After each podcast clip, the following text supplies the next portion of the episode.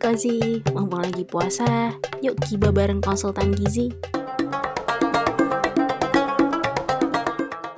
Assalamualaikum, hai sahabat Kozi, selamat datang di segmen Giba Gizi Berkah bersama konsultan Gizi. Gizi Berkah Ramadan Barokah, puasa menjadi ibadah yang paling indah karena dengerin segmen Giba bersama konsultan Gizi. Pada segmen kali ini kita akan bergibah terkait bagaimana sih menjalankan ibadah puasa untuk para atlet. Karena mungkin beberapa sahabat Kozi ada yang atlet nih. Jadi kita mau ngobrol kira-kira ada efek nggak ya puasa ini untuk performa mereka. Tetap di segmen ini masih ditemenin oleh ahli gizi kita, dietitian kita yang kece, Novila. Hola sahabat Kozi, kembali lagi dengan saya Novila. Gimana nih gimana puasanya sahabat Kozi? Lancar aman jaya sentosa kan? nah ini Mbak Fils, gimana nih puasa? Aman kan? Alhamdulillah aman Phil, tapi ini uh, jam-jam injury time ya. Jadi mohon maaf nih kalau ntar agak oleng. Nah, ini episode khusus kita dedikasikan nih rencananya ke sahabat Kozi yang atlet nih Phil dan khususnya buat sahabat Kozi yang juga penasaran nih kira-kira atlet kalau lagi bulan Ramadan gini gimana ya puasanya? Vila gimana puasanya sampai saat ini? Alhamdulillah, semoga lancar ya puasanya, ibadahnya sampai akhir. Amin. Ya Mbak, buat para atlet-atlet kita yang sedang menjalankan ibadah puasa nih, asupannya harus tetap terjaga ya supaya performanya saat pertandingan tetap aman. Jadi puasa aman, performa tetap kece. Nah, pertanyaannya nih Phil muncul, apa tetap boleh puasa kah? Ntar kalau lemes gimana? Terus masa otot menurun, duh nggak bertenaga gimana nih? Kayaknya banyak banget gitu. eh tunggu dulu mbak, aman kok aman bergaransi okay. jurnal nih. Jadi pengaturan makan untuk atlet itu sangat diperlukan ya karena gizi adalah faktor penting untuk mendukung olahraga prestasi para atlet. Nah, Mbak Fils pernah tahu nggak terkait piramida gizi olahraga? Taunya sih piramida gizi seimbang, Phil. Kalau yang olahraga sama beda nih?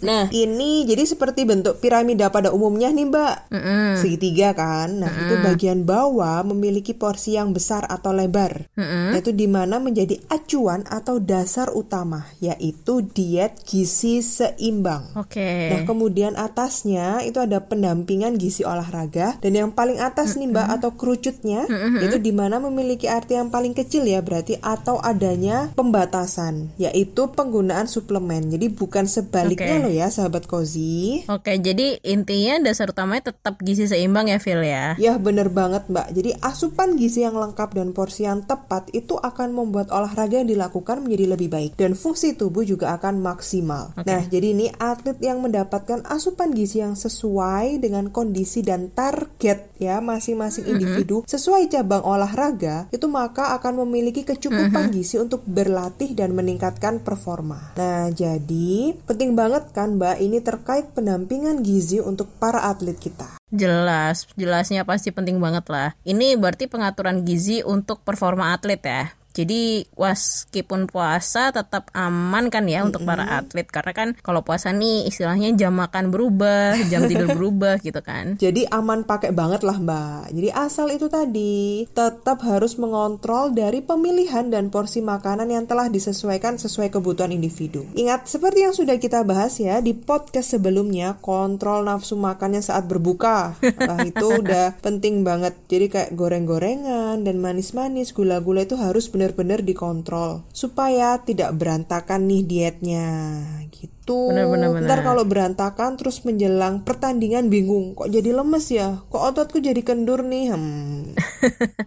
Intinya tetap kembali lagi kontrol nafsu makanan ya saat buka ya. Bisa banget nih sahabat Kozi dengerin podcast kita sebelum-sebelumnya. Jadi yang dikontrol nggak cuma pas puasa, kita ngontrol hawa nafsu ya. Bener nahan banget. hawa nafsu, terus nahan lapar, nahan haus. Tapi pas udah buka Kak, kita juga kudu nahan milih-milih makanan untuk berbuka puasa. Bener banget. Yang berbeda terkait waktu latihannya ya, itu juga sudah kita bahas nih di podcast olahraga hmm. yang aman saat puasa. Oke, okay, bener banget. Jadi intinya itu ada tiga hal yang harus diperhatikan, yaitu yang pertama terkait kecukupan energi, kedua hidrasi, dan ketiga adalah waktu istirahat. Nah, hmm. untuk kapan waktunya yang tepat untuk latihan itu bisa saat menjelang berbuka atau 2 sampai 3 jam okay. setelah berbuka. Tuh. Nah, untuk para atlet mungkin nih lebih banyak urgensinya di tingkat hidrasi ya, Mbak, biasanya. Hmm. Nah, jadi itu kayak di waktu berbuka sampai sahur itu harus dipakai dengan maksimal untuk mencukupi kebutuhan energi dan hidrasi cairannya. Ya, ya juga ya, Phil ya. Jadi yang bergeser tuh memang pengaturan waktu makannya aja gitu kan ya. Mm -mm, dan waktu benar. latihan gitu. Mungkin kan menyesuaikan.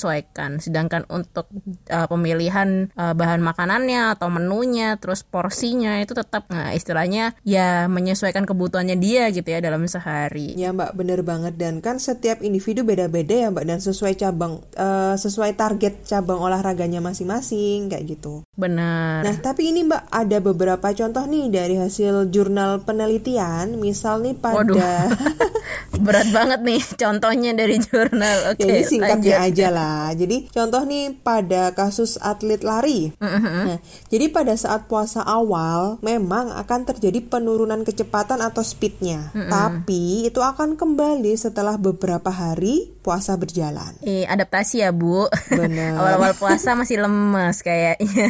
ntar, ntar kalau udah makin-makin mendekati Lebaran atau udah puasa berapa hari itu udah mulai terbiasa gitu ya. Iya benar banget Mbak. Jadi ada lagi nih Mbak. Jadi kayak latihan beban saat berpuasa itu tidak terbukti menurunkan performa load beban dan komposisi otot. Oh, Oke. Okay. Nah, jadi aman kan jadinya. Nah, selain itu juga tidak adanya pengaruh terhadap performa atlet yang melakukan HIIT atau High Intensity Interval Training pada saat puasa. Oke. Okay. Nah, jadi nggak ngefek nih. Jadi malah melakukan HIIT ini dapat menurunkan persen lemak tubuh. Jadi sehingga akan berdampak ya pada IMT kita atau indeks massa tubuh dan hmm. memperbaiki metabolisme lemak gitu. Jadi aman, nggak ada masalah. Ya karena emang sudah terbiasa ya Phil ya Bener dengan banget. kegiatan mereka sebelum puasa pun sebenarnya udah diatur juga makannya. Cuman ketika puasa kan geser aja ya untuk jam makan makannya. Waktunya aja benar. Tapi jadi terkait porsi sama pemilihannya ya tetap sesuai dengan diet yang sudah dilakukan sebelumnya. Wah keren sih. Jadi para atlet kita tuh sebenarnya tetap aman kok dan masih bisa puasa ya Vila ya. Nggak akan bener lemes banget. kok tenang